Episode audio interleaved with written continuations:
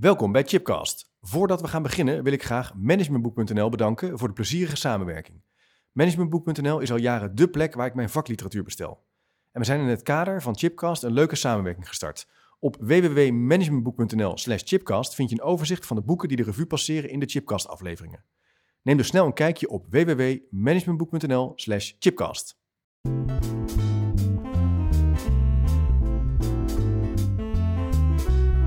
Welkom bij een nieuwe aflevering van Chipcast, een programma waarin ik op zoek ga naar verrassende antwoorden en nieuwe perspectieven op vragen die mij bezighouden. En in deze podcast staat de vraag centraal: wat doet een organisatie met mensen? En dat gesprek ga ik voeren met Mieke Moor. Mieke, welkom in de studio. Superleuk dat je er bent. Dankjewel. Uh, voor degenen die jou niet kennen, je bent organisatiefilosoof. Ja. Uh, omschrijf jezelf als uh, ja, dat je werkt op de grens van het organiseerbare en met het dagelijks denken als instrument. Ja. Hele mooie introductie. En je begon, haar werkende, je begon je werkende leven als verpleegkundige in een streng gereglementeerd ziekenhuis. En die verbazing daarover bracht je bij theologie en filosofie, waarin je de afgelopen acht jaar uh, ook hebt gewerkt als organisatieadviseur. En je promoveerde op het thema geweld van organisaties.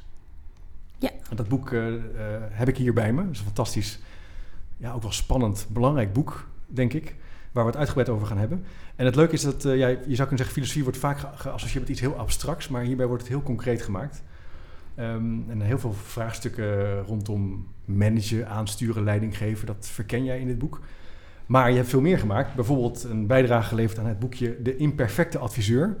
Met een kaft die ook imperfect is. Is ook wel geestig. Ja. En dat gaat over de rol van adviseurs in verander- en ontwikkelprocessen. En de fouten die mensen ook wel maken. Of dingen die je soms niet goed doet en hoe je daarmee omgaat. En daarna heb je ook een, uh, een boek geschreven. Dat is ook wel heel bijzonder. Werken in het wit waarin je een jaar lang in een ziekenhuis hebt meegeleefd en meegewerkt. Ja, rondgelopen. Het, rondgelopen. Ja. Uh, dus ook alleen al die aanpak uh, maakt mij heel erg nieuwsgierig. Dus uh, heel leuk dat je er bent. En we gaan het hebben over die vraag: wat doet een organisatie bij mensen? Ja. En misschien even een stapje daarvoor. Ja, je, je, zei het in de intake al, of in het gesprek hiervoor even over het woord organisatiefilosoof. Dat dat heel moeilijk is om te omschrijven. Ja. Zou je toch kunnen proberen wat jouw vakgebied is, om daar eens wat, wat Ja. woorden aan te geven? Ja, laat ik iets proberen. Um, we hadden er inderdaad even over dat het, uh, het gebeurt terwijl je het doet. En daarover Ja. praten is altijd ingewikkelder, of tenminste moeilijker. Maar um, ik denk, wat ik denk ik doe, is dat ik het, uh, het, het denkproces, wat heel vaak leidt tot allerlei verstrikkingen, of het nou in organisaties is of in uh, je dagelijks leven, dat ik dat denkproces weer activeer. Dus dat ik, dat ik laat zien aan mensen dat, dat wij zelf vaak degene zijn die al die situaties creëren waarin we opgesloten raken en, Ja. uh, en waar allerlei vraagstukken in ontstaan, waar ik dan bij word geroepen met het idee van los dat eens even Ja, op. kan dat beter en kan Ja. je ons even helpen? En ik los het niet op. Uh, dus ik, ik, weet ook wel, toen ik nog adviseur was, uh, toen maakte ik wel vaak het verschil met een filosoof door te zeggen: als adviseur ben ik vooral bezig om een antwoord te vinden en een oplossing. En als filosoof concentreer ik me juist heel erg op het vraagstuk. Ja. En, um, en, en, en in, in, in, als filosoof ben ik, is de, mijn klant is ook het vraagstuk. En niet degene die mij de vraag stelt. De klant is het vraagstuk. De klant is het, nee, nee, de klant is niet het vraagstuk. Het, het vraagstuk Eh, is mijn klant. Ja, de vraagstuk is jouw Mijn klant. klant, ja. ja. En dat is natuurlijk in, uh, in, in, in de wereld, zeker ook van de grote bureaus, een spannend ding. Ja. Uh, want je wil graag antwoorden, men wil graag dat je antwoorden geeft en resultaten behaalt en de klant tevreden houdt, de opdrachtgever tevreden houdt. En uh, dat, dat, dat, dat wrikt er soms wel eens. Maar dat is, dat is denk ik wat ik doe. Ik, ik had laatst een gesprek met, met, een, uh, met een bestuurder in een reeks van drie, vier, vijf of zo. En na het derde gesprek zei ze, ja, wat is dat eigenlijk wat wij hier doen? En dat ja. zei ze een beetje met het oog volgens mij op... hoe moet ik dat eigenlijk verantwoorden in mijn facturen of naar wie dan ook?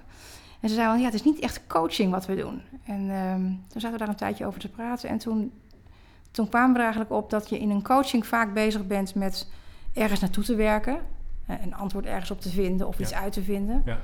En wat ik eigenlijk doe, is ik, ik werk eigenlijk met datgene wat er op dat moment gebeurt. Aan, aan, in een gesprek, aan betekenis. En de ruimte daar open ik. Dus Ja. dat, dat lijkt soms op een gewoon leuk gesprek. Ehm, maar ik probeer eigenlijk een beetje de, datgene wat er gebeurt ter, ja, te bevragen. De vanzelfsprekendheden te bevragen. En dat, dat blijkt dan ineens ruimte te geven. Ja. En dat maakt ook wel dat je dus hele bijzondere projecten oppakt. Een jaar lang in zo'n ziekenhuis rondkijken, Ja. meeleven. Hoe, hoe, hoe kwam je daarop? te Ja, dat is een interessante. eh, ehm, ik was eigenlijk net begonnen met mijn eigen, eigen onderneming, Vrij Werk heet, dat- heet dat. Ja. En ehm, toen vroeg een, eh, een, een, een eh, HR-directeur van, een, van het Radboud UMC toen, die, die, die, waar ik een keer wat voor had gedaan, die zei van, goh, dat is leuk, daar wil ik eigenlijk ook wel aan meedoen. En toen dacht ik, meedoen? Wat is dat, voor een, wat is dat eigenlijk voor een opmerking? Dus ik zat met hem in gesprek.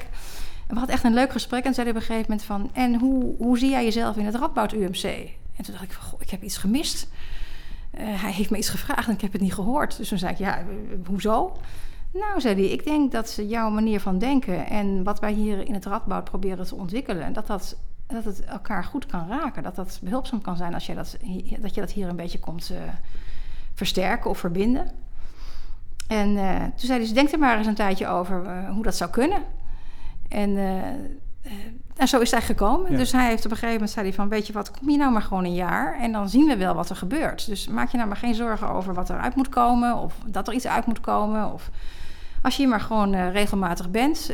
dan, dan, dan zien we wel wat er gebeurt. Ja. En ik vertrouw erop dat dat, dat, Dat goed er komt. uitkomt. Dat er iets uitkomt. En hij was wel iemand die vaker... eh, hele verschillende werelden eigenlijk aan elkaar verbond. En daardoor ook hele eh, ja, grote vernieuwingen Ja. kleine vernieuwingen die grote effecten hadden, eh, sorteerden. Het, het is ook een, een, een ziekenhuis is ook een organisatie. Een groep hè, mensen die een gemeenschappelijk doel heeft. en Mensen beter maken, opvangen. Ja. En jij hebt wel een, een fascinatie voor die plekken waar mensen samenkomen. Hè? Ja, dat is interessant dat je dat zegt. Dat heb ik me eigenlijk nooit zo goed dat- gerealiseerd. Maar eh, ja, het is eigenlijk leuk dat je dat zegt. Want ik ben eigenlijk een beetje een Einzelganger. Dus ik, ik hou helemaal niet van groepen en dat soort dingen. Oké. Maar misschien dat het me daarom wel fascineert wat er allemaal in gebeurt. Ja. Hè? Ja. Ehm, ja, dus eh, je bent een individu in een groter geheel. Ja. En dat is ingewikkeld. Hè? Ja. Want je wordt aan de ene kant bevraagd op je individualiteit en op je eigen bijdrage. En dat is natuurlijk in deze tijd nog, nog veel sterker. En tegelijkertijd wordt er van je gevraagd dat je je aanpast aan het systeem. Ja. Ja. En ik heb dat altijd als een enorme frictie ervaren. Eh, een, een vruchtbare frictie trouwens, maar wel een frictie. En dat, dat begon eigenlijk al heel jong in het allereerste ziekenhuis waar ik werkte. Ik, ik, ik weet bijvoorbeeld nog heel goed dat ik. eh, ehm, het was in de tijd dat het taakgericht verplegen plaatsmaakte voor het eh, procesgerichte verplegen. Oké. En patiëntgerichte verplegen. Ja, ja. Dus je was niet meer alleen maar in taakjes bezig met eh, wassen, koffie rondbrengen enzovoort. Maar langzamerhand verschoof de aandacht naar die patiënt waar alles ja. omheen moest. En dat was toen heel revolutionair, jaren tachtig. Maar goed, ik werkte in een eh, wat klassiek ziekenhuis. Die zeiden van, nou, dat, daar gaan we allemaal niet aan beginnen. Dus ik, ik had een excursie voor mezelf georganiseerd naar het AMC. Want daar waren ze mee bezig.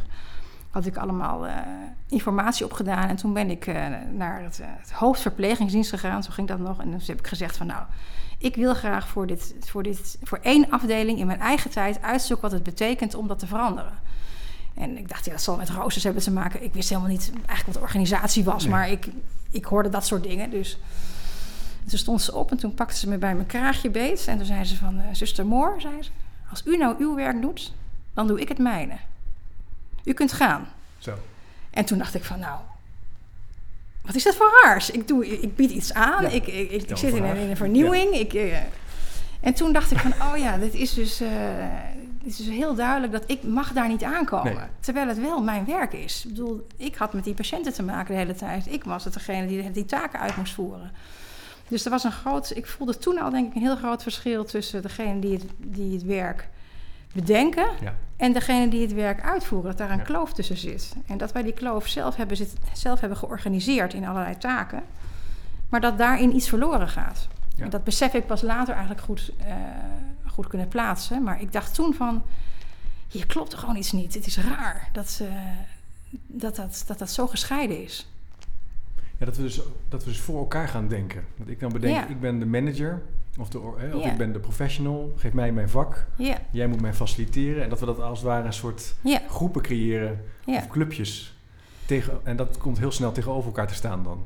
Ja, ik vind dat, dat David Boom legt dat wel heel mooi uit. Die zegt dan van... ehm, wat wij doen als we proberen grip te krijgen op de, op de werkelijkheid... is dat we dan de wereld gaan fragmenteren. Hè? Dus Ja. we gaan eh, dingen in, in, in stukjes benoemen... en in, in, in, clustertjes en in, in afdelingen en in, ook in meningen. En noemt dat eh, thoughts, dus gedachten. Dus dat zijn zowel mentaal als ook fysiek... knippen we de wereld de hele tijd in stukjes... En, eh, en wat we dan vervolgens doen, is dat we, dat we elkaar gaan bevechten op die stukjes. Hè. Dus dan zegt, eh, zeggen we, is dit waar of is dat waar? Of heeft die gelijk of heeft die gelijk? Moet het zo of moet het zo? En wat hij zegt is, de kunst is eigenlijk om niet in die thoughts te blijven hangen. Uh, die we tenslotte zelf hebben bedacht. Hè. Die, hebben we, die komen niet uit de lucht, vallen uit de hemel. Maar dat creëren we eigenlijk zelf. Maar om de aandacht te verleggen naar het denkproces. Wat die thoughts creëert. En uh, daar, uh, zo is hij ook heel beroemd geworden met zijn dialogen. Ook, ook met name in echt grote conflicten. Dat is interessant, hij was kwantumfysicus. Dus hij had veel ideeën over samenhang en deeltjes en gehelen. Maar hij had ook gesproken met Krishnamurti, volgens mij. Dat is een oh ja. grote Oosterse ja. uh, wijze, wij, wijze man. En hij heeft die twee als het ware gecombineerd. En ik vind dat zelf eigenlijk een hele mooie uitleg van, van hoe wij dat doen. Hè? Dus wij, wij knippen inderdaad in een organisatie... die knippen we in stukken, in functies en in afdelingen en in regels, in alles... En op een gegeven moment gaan al die dingen een eigen leven leiden. Dus dan ja. zie je dat op een afdeling mensen echt heel erg hun best doen om een goed protocol te maken voor een afdeling. Maar ze hebben geen idee waar dat eigenlijk voor is. Nee. En dat, dat gaat niet om goed of fout, maar de waarneming is dat het gewoon heel vaak niet werkt. En dat we, wat we dan vaak ook nog doen, is dan werkt zo'n protocol niet. Dus dan gaat iemand zich nog specialistischer opstellen. En dan komt, wordt het protocol uitgebreid. En nog een keer, of een regel wordt nog een keer uitgebreid. En voor je in de gaten hebt, hebben we een heel ingewikkeld systeem met allemaal plussen en minnen en, en bijzaken. En er staan allemaal kleine zeg maar, groepjes die die thoughts door gaan ontwikkelen, aanscherpingen ja. gaan maken. En je ja. elkaar een beetje gaat bevechten op wat, wat we denken wat waar is. Ja, en, ingewikkeld, en dat noemen we dan complexiteit. Ja. En dan gaan we leiderschap uh, ontwikkelen voor complexiteit. Maar dat is natuurlijk gewoon georganiseerde ingewikkeldheid. Ja, het is geen complexiteit. Nee. Nee, ik moet denken aan Willem Masterboek, die ik recent in de uitzending had. Die zei, ja, complexiteit vond hij allemaal een beetje onzin. Hij ja. zei, uh, je moet gewoon het vraagstuk centraal, de mensen op wie het gaat, bij elkaar roepen. Dat is het. En dan zal je eigenlijk zien dat er niet altijd sprake is van complexiteit. Nee, het is ook, ik, ik werk wat heel vaak vanuit het, het principe van, werkpla van een werkplaats. Waarbij je, een, waarbij je een heel klein lokaal vraagstuk detecteert. Ja daar de mensen bij betrekt die op de een of andere manier daar iets mee te maken hebben. Dat gaat van bestuurder tot uh, magazijnmedewerker en, en klant, zeg maar, of patiënt, wat dan ook. En uh, als je dan probeert iets te maken met elkaar, dan kom je onmiddellijk, kom je, dan zie je dat die verschillende sferen bij elkaar moeten komen. Ja, en ja. Dat, dat, het leuke ervan is dat je dan ineens elkaar gaat verstaan. Of, niet, of erachter komt dat je elkaar niet verstaat. Terwijl wat wij natuurlijk vaak doen, is dat we dat parallel doen. We gaan eerst in een werkgroep en dan, en dan moet het in een, een, een, een besluitvormingsorgaan of een adviesorgaan. En iedereen heeft daar wel wat over te zeggen. En aan het eind is het gewoon een, is het niks meer. Ja. En niemand heeft elkaar nog steeds gesproken. Dus het is eigenlijk de kunst om elkaar weer tegen te komen in plaats van uh, alles weg te organiseren. En tegenkomen in het werk. Tegenkomen dus in het werk. Een organisatiefilosoof is in die zin nog best praktisch. Het is heel praktisch, ja. Veel mensen denken ook dat filosofie niet praktisch is, nee. maar het is eigenlijk een ontzettend praktisch iets. Zeker, ja. Dus ja. Uh, ik, ik, las ook op het een van de vragen die jij uh, had opgeworpen in onze briefwisseling daarvoor. Was, ik geloof dat je ergens zei van ja, het, het heeft misschien geen economische waarde. Ja. Van, ja, dat is natuurlijk. Ik denk dat het, nee, ja, dat is, het is de vraag is wat is economische waarde? Hè? Dus laten we daarmee beginnen. Uh, maar als we dat even heel in de vanzelfsprekende definitie trekken van dat het iets op moet leveren of nut moet hebben of uh, nou ja, ook niet eens winst, dat soort dingen.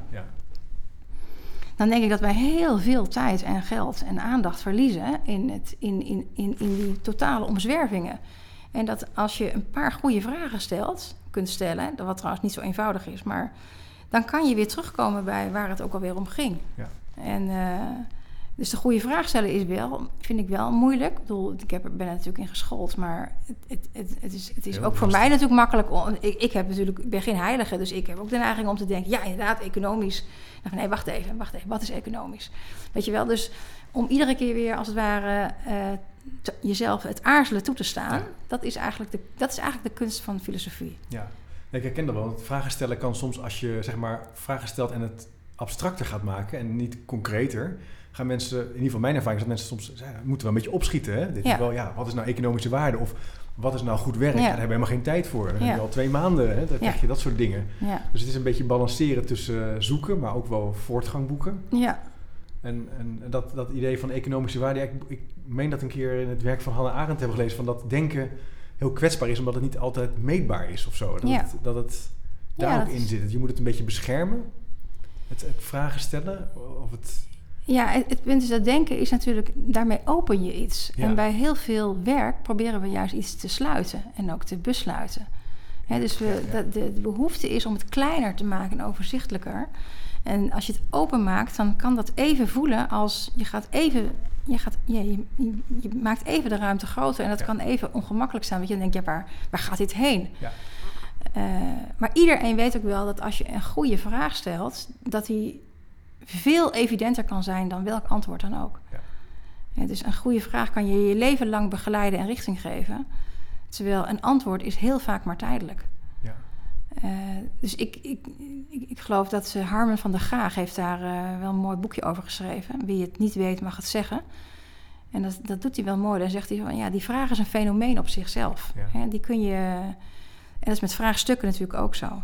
Eh, dus ik, ik ervaar zelf dat als mensen zichzelf even toestaan om die ruimte wel te nemen, dat het echt omarmd wordt. Ja.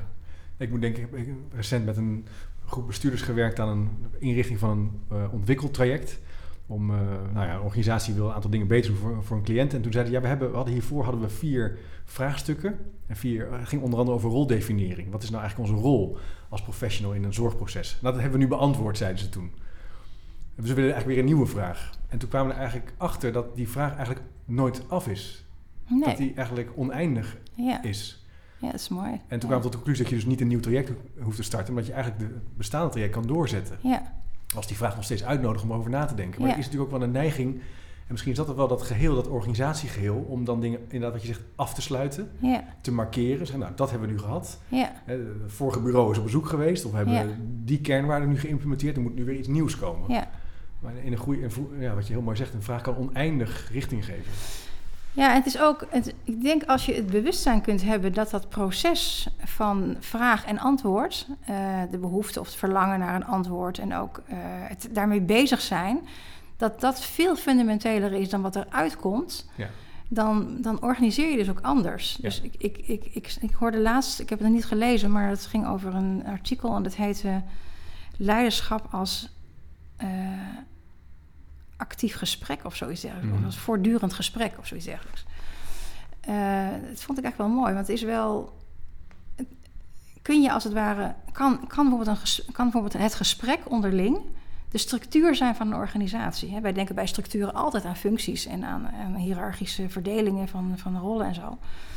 Maar je zou ook kunnen zeggen, zijn er hele andere structuren, zoals het, de structuur van het gesprek of het, de structuur van het stellen van elkaar, Mooi, ja. staan, elkaar stellen Ja. van vragen. En ja, dat, dat, kijk, je zegt, jij hebt bijvoorbeeld zelf in jouw boek over verslaving, eh, or- organisatieverslaving, heb je het over visies, hè? Dat we daar, dat, Ja. dat we daar zo aan verslaafd zijn om alles maar gewoon, ehm, onder andere. En, en ik denk zelf dat als je, kun je ook kijken dat er andere manieren zijn om met elkaar iets te maken, iets te doen. Ja, In plaats van de klassieke weer, ja, weer, ja. beleidsdingen Ja. of eh, rol, ro- rolopvattingen of, of rolverdelingen. Of, of, of Dat is een heel ander paradigma. Ja, is een heel de, ander de vraag is de ja. structuur om te organiseren met elkaar. Door de vraag met elkaar te verkennen. Ik weet toen ik bij Kessels en Smit eh, stage ging lopen... dat Jozef Kessels en Cora Smit mij vroegen... wat zou je graag willen doen hier? Waar ben je nieuwsgierig naar? Ja, En dat dat letterlijk een vraag was die ik nog nooit... dat ik dacht, wat, wat een rare vraag. Ja. Ik heb bedrijfskunde gestudeerd, kan je me niet gewoon een opdracht geven? Dat was toch een beetje ja, hoe het eerder in mijn stageervaringen ging. Ja, Terwijl het ook een hele leuke vraag is. ja, Eh, die ik nog steeds gebruik als ik met studenten werk. Van, wat, ben je nieuwsgierig naar? Wat zou je willen doen? ja. En, Ja, dat is ook natuurlijk. eh, ik vind het zo leuk hoe ze dat zeg maar op de. ehm, Het, vers- iemand heeft ooit het verschil uitgelegd tussen hoe ze dat op een universiteit doen in het opleiden en op een kunstacademie. ja. En eh, hè, dus dat ze op een universiteit heel erg op die methode zijn gericht. eh, hè, van hoe ga je iets doen Ja. en hoe ga je iets aanpakken. en, eh, Betrouwbaarheid, validiteit. ja, eh, en, en ja. dat zit, daar zit ook, ook dat idee van, van een opdracht of een vraag met een antwoord in. En dat je op de kunstacademie eigenlijk vooral wordt opgeleid om je fascinatie te, te ontdekken. En dat, de, dat het idee is ook dat als je daar dichtbij in de buurt komt, dat je dan, nou, dan komt het werk vanzelf, zeggen ze dan in, in alle betekenissen van het woord. En dat Ja. vind ik zelf, die fascinatie, die is eigenlijk het mee. Als je die eenmaal, eenmaal te pakken hebt, die is natuurlijk heel individueel en heel, heel subjectief.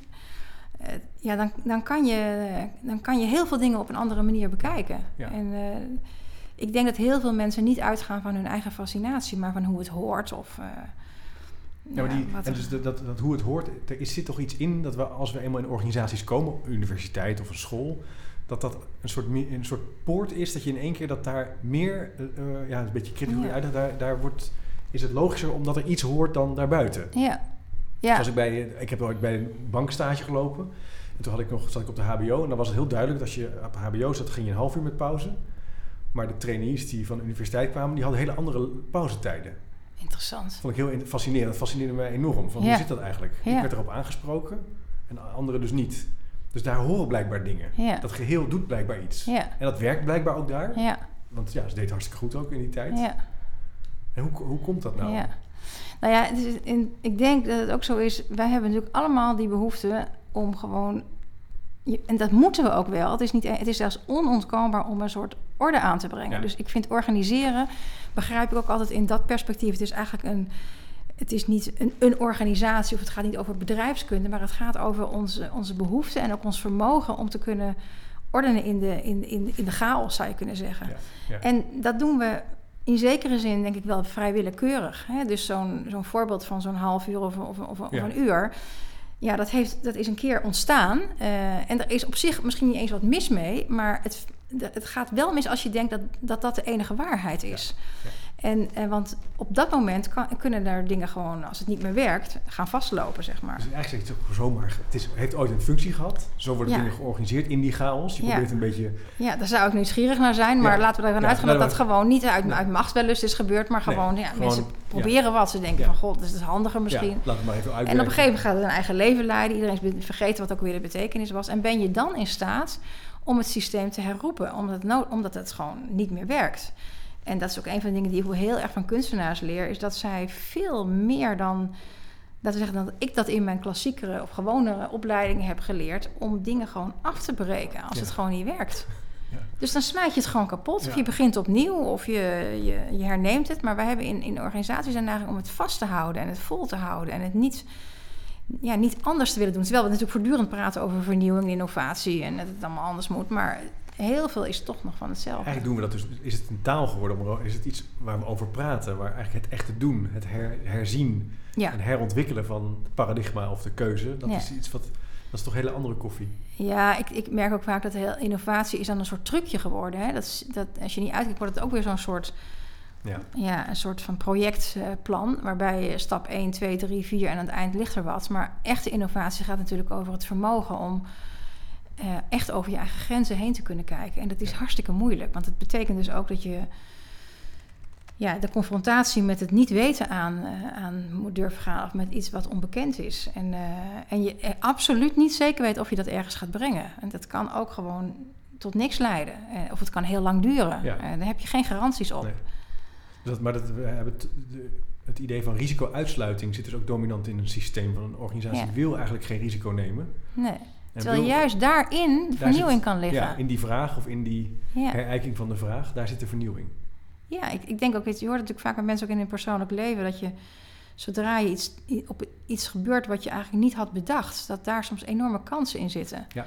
Alleen, dat ga, als je dat weer gaat organiseren, ja, dan Nee, is, het, niet, is het nee. weer weg. Dus Ja. er zit een soort paradox in dat je, dat je een soort ruimte moet laten voor iets wat je niet kan organiseren. En dat, ik, ik vind dat een heel spannend gebied van hoe je. je hoeft, ik, ik zeg niet van we, moeten niet organiseren of we moeten. Het is eigenlijk in een soort gebied terechtkomen wat je niet zo goed, Ja. waar je niet zo goed van weet wat dat is. schemergebied. Ja, Ik moet denken, ik heb ooit een keer een studie gelezen, dat was nog heel lang geleden, over eh, print, eh, eh, mensen die printers maken in Amerika. En dat was een groot bedrijf, het ging groeien. En op een gegeven moment hadden ze de pauzetijd van die collega's hadden ze weg georganiseerd. Omdat ze anders waren georganiseerd, leek ze efficiënter om die pauzetijd niet meer bij elkaar te doen, maar dan ze dan in de auto gingen lunchen. En toen konden ze zien dat na een half jaar tijd de foutmeldingen omhoog gingen van die printers en dat de reparatiekosten ook toenamen. mooi dat ze het hebben gezien.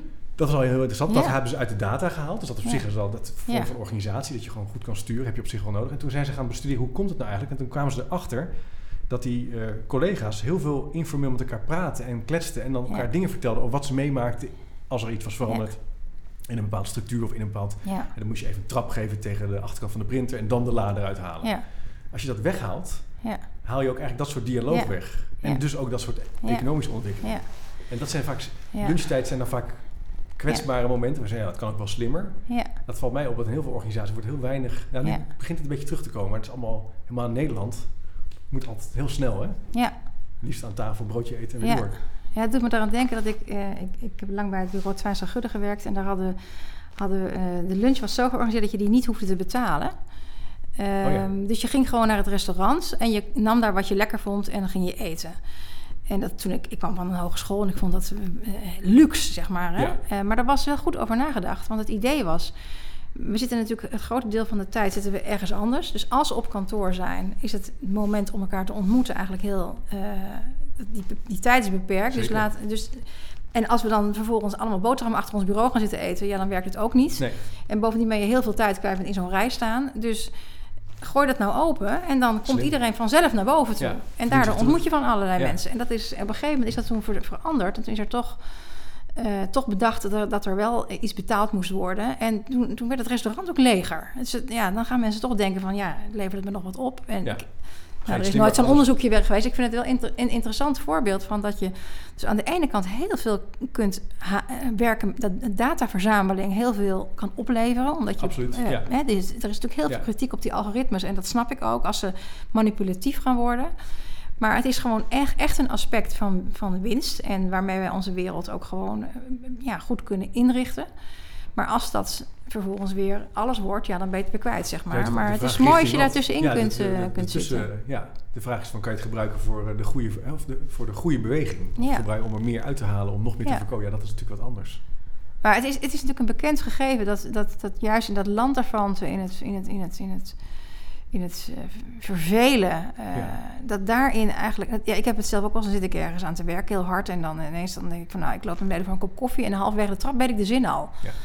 Ja. En eh, ik heb dus ook een tijd lang... Ik werk regelmatig in kloosters. En eh, dan hou ik me ook echt aan de, aan de, aan de getijdendienst. Dus zodra de klok luidt, Ja. dan... Dan laat dat, toch?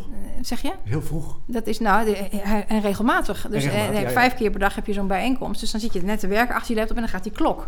Dus in het begin had ik om te denken... nou, ik heb nog tien minuten, ik kan nog even door. Of dan zat ik in die kerkdienst en dacht ik van... ja, maar zo had ik een idee. dacht van, ik moet het vasthouden. Dan heb ik een potloodje mee. Ja. Een gegeven moment ben ik daar helemaal mee gestopt. dacht van, zodra die klok loopt, ra- luidt... dan leg ik mijn... eh, nou ja, ik leg niet mijn pen neer, maar ik doe mijn laptop dicht. En dan loop ik naar de kerk. En dan ga ik daar zitten en dan zit ik na tien minuten te wachten... want ik ben altijd te vroeg dan. En dan tijdens dat daar zijn en dat zingen en zo, dan gebeurt er iets waardoor ik in de middag weer, nou, echt, echt helemaal fris eh, is. Ik, ik ga daar eigenlijk een groot deel van de tijd gaat, jou zeggen, verloren aan al die, al, die, eh, al die diensten. Maar ik werk daar het hardst, gek genoeg. Dus dat komt op de een of andere manier volgens mij door die afwisseling van dat je niet heel erg gericht bent Ja. op, dat, op dat produceren van een tekst. Ik denk wel dat er een soort ritme zit in een dag of in, nou ja, in Zeker. een leven of in een maand of in een seizoen. En dat Zelfs dat in een jaar. in een jaar. Dat zie je natuurlijk ook in onderwijs. Zie je? Ja. zie je het ook. Zie je het ook. Ja. Start, de, de inschrijvingstermijn die sluit bij een HBO. Dan moet iedereen worden nagebeld. Dan komen er de eerste proeves. En dan heb je weer richting het eind. Vanaf mij zeggen mensen alweer, nou dan moeten we het weer over. Ja. Dus er zit een bepaalde wetmatigheid in. Nou, en ritme is echt een, eh, is wel goed wat je dat noemt. Dat is een van de dingen waar ik de laatste tijd veel mee bezig ben. Dus ik probeer al jaren in mijn, mijn hele jaar gewoon daarop in te richten. Dus wij hebben natuurlijk... Het is heel raar dat je als je naar buiten kijkt... dan zie je gewoon dat, die he- dat, dat de natuur verandert. Het is bijvoorbeeld nu kaal en Ja. koud en Ja. grauw en nat en, Ja. eh, enzovoort. Vroeg donker, eh, Ja. laat licht. Maar wij doen... Wij veranderen helemaal niets aan ons werkritme. nee, super raar. We gaan gewoon Ja. nog net zo vroeg eruit en net zo laat erin. En, Ja. en, en we werken net zo hard. Ja. Terwijl je zou kunnen zeggen, wij zijn ook natuur. Eh, en, en het is dus eigenlijk de kunst om daar een beetje in mee te gaan. Dus ik heb vaak dat ik zo van... Nou, zo in februari dan begin ik echt... eh, dan, dan kom ik naar buiten met mijn ideeën. En eh, tot aan de zomer, tot en met de zomer werk ik echt hard en veel. En dan vanaf eh, september ga ik langzamerhand de rustende stilte in. En in december is het echt stil. Dan is het gewoon... En dat is, dat is heel moeilijk, want de hele wereld wil natuurlijk in december nog alles voor elkaar krijgen. Ja. Maar ik heb echt ontdekt dat, eh, dat, het, dat het helpt als je, je, eh, dat je als je je daar een beetje in voegt. Omdat Ja. het. ja, wij, ja wij, zijn zelf, wij zijn zelf ook natuur. Dus Nou ja, het, het is is een niet voor niks dat we, dat, we, dat we moe zijn in de winter. En, We hebben natuurlijk ook wel een lange tijd gedacht dat de mens boven de natuur staat. Hè? Uit die Ja. verlichtingsperiode van we, hebben de, we snappen hoe de natuur werkt. We kunnen het gebruiken om te produceren, om te Ja. maken. ja, We kunnen zelfs straks misschien wel onsterfelijk worden, de natuur. Hè? We kunnen onszelf programmeren. ja, En dan hebben we de natuur, ja, weet je Onder controle. onder controle. Terwijl jij zegt eigenlijk, ja, wij zijn de natuur. Wij zijn het. En ik denk, ik, van. ja, en ik denk zelfs, de mens dat inmiddels begin ik er langzaam aan achter te komen, of erachter te komen, te, te denken dat, dat de mens misschien wel ja, het meest gewelddadige eh, dier is, eh, Ja. wat veel kapot maakt. Hè? Ja. Eh, dat de natuur heel goed zonder ons kan. Ja, ja, wel- ja ik vrees het ook dat wij, als je kijkt, kijk maar naar de omgeving nu. Ja, Er zijn natuurlijk wel mensen die klimaatsceptisch zijn. Of zeggen, het valt allemaal mee. Maar je kan niet ontkennen dat we wel iets doen. nou, het, het maakt mij ook echt zorgen. Dat ik echt denk van, de, de wereld zoals we die nu hebben, met al die snelheid en, en, en wat we ook allemaal aan, aan, aan eh, ja, hoe zeg je dat, eh, gebruiken en misbruiken aan, aan grondstoffen en dat soort dingen, dat, ja, dat is natuurlijk eindig. Dat Ja. kan natuurlijk niet altijd zo doorgaan. Ja.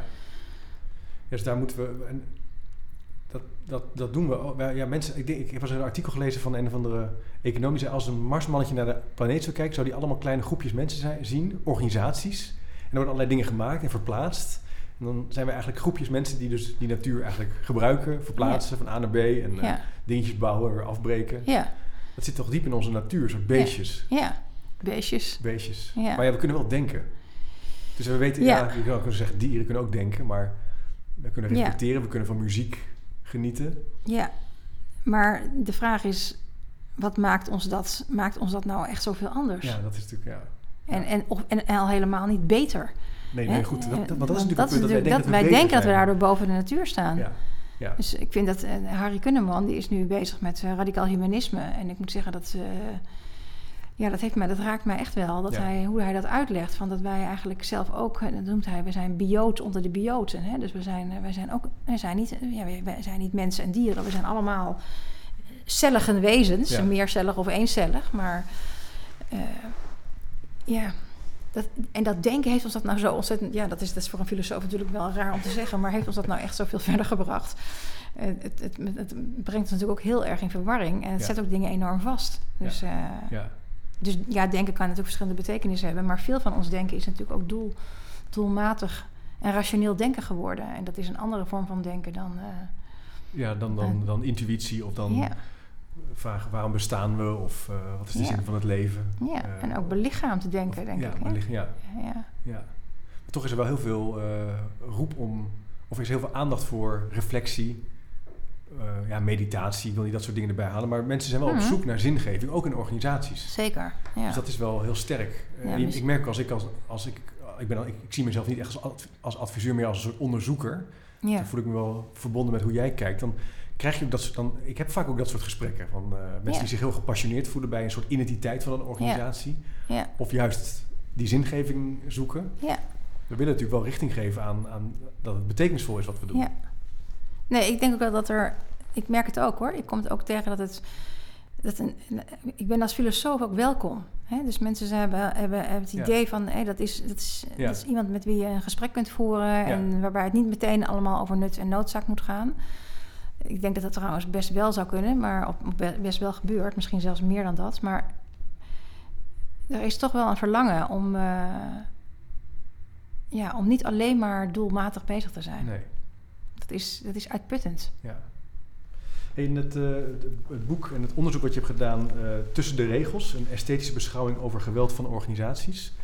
Het woord geweld roept bij mensen die dit ook lezen wel heel veel op. Hè? Natuurlijk, Ja. Ehm, kan je iets zeggen over de titel, of nou eigenlijk de ondertitel, Ja, eh, dat woord en hoe je dat associeert met organisaties? ja ik, ik, ik begin ook weg, maar mijn het Ja, ja de- de- de- geweld is een heel groot woord, dat schrijf ik ook. Dat, is, dat Ja, realiseer ik me ook, omdat wij natuurlijk meteen denken aan, aan, aan, aan oorlogen en aan bloed en aan doodslag en moord. En ook veel fysieke associaties hebben we daar volgens mij bij.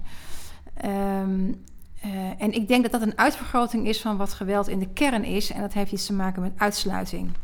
En dat is een operatie die wij allemaal elke dag doen. Hè. Dus wij, om, op de een of andere manier in leven te blijven of erbij te blijven, moeten we voortdurend allerlei prikkels bijvoorbeeld uitsluiten. Of we moeten eh, dingen van ons bordje afhouden of dingen niet doen. Dus we zijn voortdurend aan het selecteren. Kiezen, dat doen we ook heel onbewust hè, met alle zintuigelijke indrukken die op ons afkomen. Daar, daar onthouden we, daar komt maar een heel klein beetje van, blijft daarbij hangen, want Ja. anders zouden we helemaal gek worden. En in, in wezen is het zo in de filosofie, in, in het filosofisch denken zou je kunnen zeggen, is, het, is, is uitsluiting een vorm van geweld. Want, want je, je, je zegt iets of iemand de toegang tot de openbaarheid, uh, ontzegt iemand de toegang tot de openbaarheid of tot bewustzijn of tot, tot, tot, tot, nou ja, tot de publieke ruimte, zeg maar. Dus ook als je je bureau opruimt en je gooit iets van je bureau af in de prullenbak, dat, is helemaal geen grote boederige daad, maar je zegt wel dat hoort er niet bij en dit wel. En in wetgeving zie je dat natuurlijk ook heel sterk. dus uh, nu heel die kwesties rondom vluchtelingen hier wel en niet. de een mag wel naar binnen, de ander niet, als je wel niet een goede papiertje hebt. Er zijn allerlei rationalisaties voor te bedenken. Maar ja, je moet dus toch mensen teleurstellen die, eh, waarvan wij op menselijke wijze soms denken van ja, maar die, die moet hier blijven. Die hoort hier gewoon. Of waarom heb ik wel recht en iemand anders niet? En, en, dat is eigenlijk wat ik uh, met dat begrip geweld doe. En, en wat organiseer... uitsluiting over. De, dus een soort, ja. Dat gebeurt constant in ons. Doen wij dat? Ja, en dat doen wij in organisaties ook voortdurend. Ja, dan zeggen van ja, je hoort er. Jij, jij mag een half uurtje pauze en de ander mag een uurtje. Ja, dat is, jij wordt uitgesloten van dat uur pauze. Er zit niet een hele grote gewelddadige uh, moordaanslag achter, maar het is wel, het is, het is een vorm van uitsluiting. En waar het mij eigenlijk om gaat, is dat wij in organisaties heel veel uitsluiten wat niet past in het rationele denken. dus uh, juist dat bijvoorbeeld dat, dat, dat, dat, dat, dat vervelen of het niet weten of imperfecties of uh, aarzelingen aan de top, dat, dat hoort er allemaal niet bij. Je wordt geacht om, om, om visionair te zijn, om te weten wat je wil enzovoort, krachtig te zijn. En dat sluit eigenlijk dat hele veld uit van menselijke ervaringen waarin, ja, waarin je het gewoon even niet weet of waarin je ja, soms iets, iets, iets, niet, iets doet op een foute manier, wat, wat heel normaal is.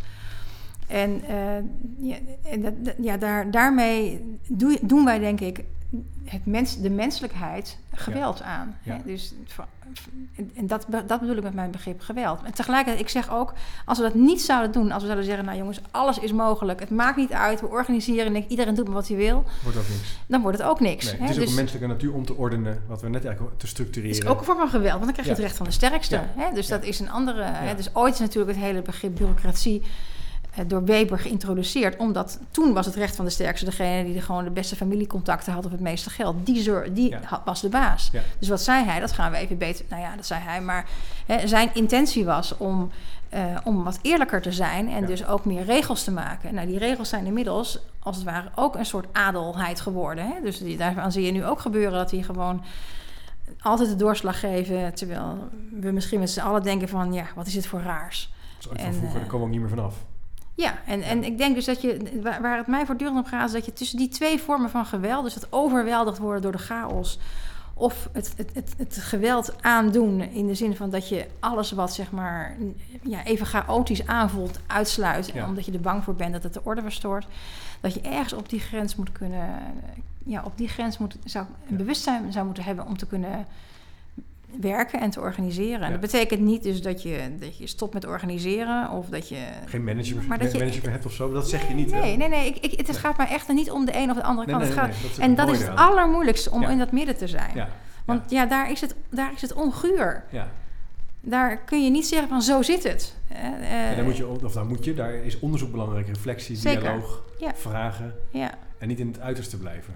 Je ziet, wat mij wel opvalt, is je natuurlijk wel nu recent veel aandacht ziet voor deep democracy-achtige. Dus als je kijkt naar de managementboeken die nu geschreven worden, gaat het wel over participatie, samen, invloed nemen, ondernemen.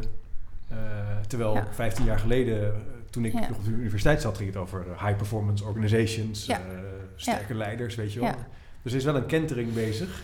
Ja, nee, er is zeker een kentering, bezig. En wat je een beetje ziet, is dat, je, dat, dat de neiging kan zijn om weer naar de andere kant helemaal te gaan bewegen. hè? Dus Dat, dat, dan krijg je een beetje van het een naar het ander. En, uh, en, en dat begrijp ik ook wel. Zo, zo gaat dat ook. Hè? Je hebt soms een soort tegenwicht nodig om ergens anders uit te komen. Maar mijn pleidooi is wel heel erg op, en, en daar heb ik zelf ook ja, goede ervaringen mee, is om het gesprek op die grens, zeg maar, vooral te organiseren. Ja.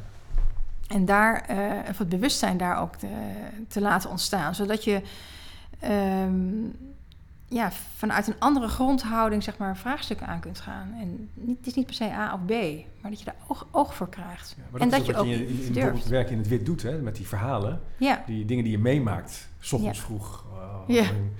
die heel mooi zijn opgeschreven. Dat is ook een soort... Dat zet ook... Dat, daardoor kijk je ook op een andere manier naar zo'n ziekenhuis. Ja. Het is voor mij zelf ook een ontdekking geweest om te zien hoe ik kijk. Ja? Oh, Dit is dus heel grappig, want toen ik het teruglas, toen dacht ik van... Uh, oh ja, dit is dus, dit is dus, dit is dus kijken als een filosoof. Hè, dus of, of waarnemen als een filosoof. En, eh, en, en hè, in, in mijn proefschrift tussen de regels, wat natuurlijk ook meteen handels is, is, is dat is nog, hè, dat is nog, dat is nog een, een, een, een Doorvrocht. doorvrocht van A naar B. Jazeker. En eh, hoewel ik wel Nou, met een. eh, en ik, ik, ik, ik, Ja. ik, ik eindig wel met een, wat ik. eh, en daar ben Ja. ik wel trots op met een gedachtenstreepje, omdat dat natuurlijk nooit over is. Nee. En het, het herhaalt zich ook in zekere zin in verschillende hoofdstukken. Maar dit is wel echt een eh, heel ander soort tekst Ja. eh, geworden. Dat klopt, ja. En, ehm, maar ik heb ook zelf, dat beschrijf ik ook ergens. Dat ik na een maand of drie of zo, ik weet niet meer, dat ik echt in, in dat ziekenhuis me echt verloren voelde. En dat ik dacht van jeetje, wat zit ik hier eigenlijk te doen? En kan ik, dit noemen we dan werk en kan ik dat eigenlijk wel verantwoorden? Ja, En, en ja, ik verveel me eigenlijk, ik ben moe, ik, was ook, ik, ik viel ook af en toe in slaap. Ik was gewoon echt... En totdat ik dacht van ja, dit is dus wat eigenlijk iedereen hier overkomt. Ik ben helemaal niet de enige. Dus, dus ook die patiënten die zitten hier de hele tijd te denken van ja, waar ben ik nu eigenlijk? En wat doe ik hier? En hoe is het met mij? En, dat, en, en de dokters en de zusters eigenlijk ook. Die zijn ook... Die weten het ook allemaal niet precies. Die, die werken ook in een, in, een, in, in, in een ongereden ruimte, zou je kunnen zeggen. Hè? Ja. Die zijn ook voortdurend op zoek naar wat is hier aan de hand. Maar het ook toestaan dat je dat, kan, dat je dat durft te voelen als je ergens in een organisatie bent. Ja. Dat is Ja. natuurlijk ook wel spannend. Ja, En de ik, heb, ik moet denken aan een antropoloog zou Ja. op zo'n manier veldonderzoek doen. Van wat doet dit met mij als ik in deze organisatie ja. ben? het is ook een beetje antropologisch, ja, hè? ja, ja, wel een zeker. antropologische eh, verkenning. En eh, in, de ene organisatie, dat herken ik in ieder geval herken ik eraan, voel je, krijg je een andere energie. Ja, Of in de ruimte. Ik heb ooit een keer een project gedaan bij een grote overheidsorganisatie. En daar gingen we toen zitten, gingen we netwerken. En al die stoelen stonden vast. En die tafel die kon je Ja. niet bewegen. En het was een hele langwerpige, smalle ruimte. En toen kon het raam ook niet open. jongen. En toen werd ik bijna een beetje claustrofobisch. Ja. En toen later dacht ik, heb ik, sprak ik met iemand die zei... Ja, je voelt gewoon wat mensen ook voelen. Dat is blijkbaar... Ja, Het was ook een hele lastige sessie, weet je wel. Dat ging ook niet. ja, Maar je zou kunnen zeggen, nou als adviseur schakel je dat uit. Ja. Je probeert een analytische goede blik te hebben op het vraagstuk in kwestie. Ja, Juist niet, zou ik denken. Jij zegt juist niet. Nee. Ik denk dat het esthetische bewustzijn, zo, he- zo noemen we dat eigenlijk. Hè? Ja. Dus esthetisch hè, is het Grieks voor zintuigelijk. Hè, de aesthesis. En dat dat juist dat zintuigelijk bewustzijn heel belangrijk is. En Ja. Dat zie je nu ook een beetje opkomen in die, in die ideeën rondom intuïtie en zo. Ja. Maar eh, ja, ik vind het altijd heel eh, prettig om ergens aan te kijken van ja, hoe, wat is het voor ruimte eigenlijk? En hoe, hè, dus de, de verhoudingen tussen mensen zie je ook vaak in de verhoudingen in de ruimte. Ja. In, in, in, inderdaad, ik, ik weet bij Rijkswaterstaat hebben ze bijvoorbeeld heel veel in het prachtige nieuwe gebouw daar. Of nou nieuw, het is nu al een tijdje, maar het was toen een nieuw Ja, gebouw. opnieuw ge... Langs de Ja, A12. A12, ja. Eh, maar daar zie je dus, daar zijn dus heel weinig ruimtes waar je als ehm, eh, ingenieur gewoon ook gaan, kan werken als in een werkplaats. Dus heel veel, het zijn gewoon vergaderruimtes. En daar klagen ze ook over. Zeggen ze van ja, hoe is het mogelijk dat wij hier. Hè, wij, wij, zijn ook gewoon Ja, eh, mannen en vrouwen Ja. die gewoon tekenen Ja. en werken en, en rondlopen. En dan zitten we in zo'n vergaderruimte vast. Ja. Ja, dat is hetzelfde als dat je bijvoorbeeld dat een, dat een ziekenhuis wordt ontworpen en dat dan de, de deuren te smal zijn om een bed door te laten. Dan denk je, ja, wie verzint dat? Maar dat, dat soort rare. Maar dat, daar een soort gevoel voor krijgen van hoe het, hoe het licht voor het valt. En dus ik heb een, een collega, een oud collega van mij, die doet onderzoek naar de betekenis van, van ziekenhuizen in, in relatie tot, eh, mm, tot, eh, tot opvattingen over ziekte en gezondheid. Oh, ja. En hoe, hoe licht daar een, eh, belangrijke rol in speelt. En, en ook de plek van organisatie van een ziekenhuis. Of dat in een stad is of juist erbuiten. Hè? Dus waar, waar laten we die gezondheid? Is dat ziekte wat je ver aan de buitenrand moet neerzetten? Of is dat een... Hè, vroeger waren ziekenhuizen in de stad. Ja. Hè? Die waren gewoon Ja. onderdeel van, van veel meer onderdeel van het leven. Hè, hoe, hoe bijvoorbeeld eh, eh, ziekenhuizen steeds vaker ook eh, mooie gebouwen worden met mols en weet ik wat niet allemaal. Alsof het, de ziekte gewoon weg is georganiseerd. Hè? Ja, waar je dan een smoothie kan drinken en eh, waar je, waar je Ja. hè, een cappuccino Ja, waarbij je het bloed helemaal aan de kant... Hè, dat, Ja. dat zie je helemaal niet meer. Dat is allemaal keurig weg. En, Ik herinner me, toen ik startte met mijn uh, promotieonderzoek... heb ik op een gegeven moment in dwang- en drangverplegingen meegelopen. zo. Een van de casuïstieken die het ging over vraagstuk van... kunnen we patiënten minder isoleren en op een andere manier voorkomen dat we moeten isoleren? Dat was Ja. eigenlijk het vraagstuk wat ik heb gevolgd.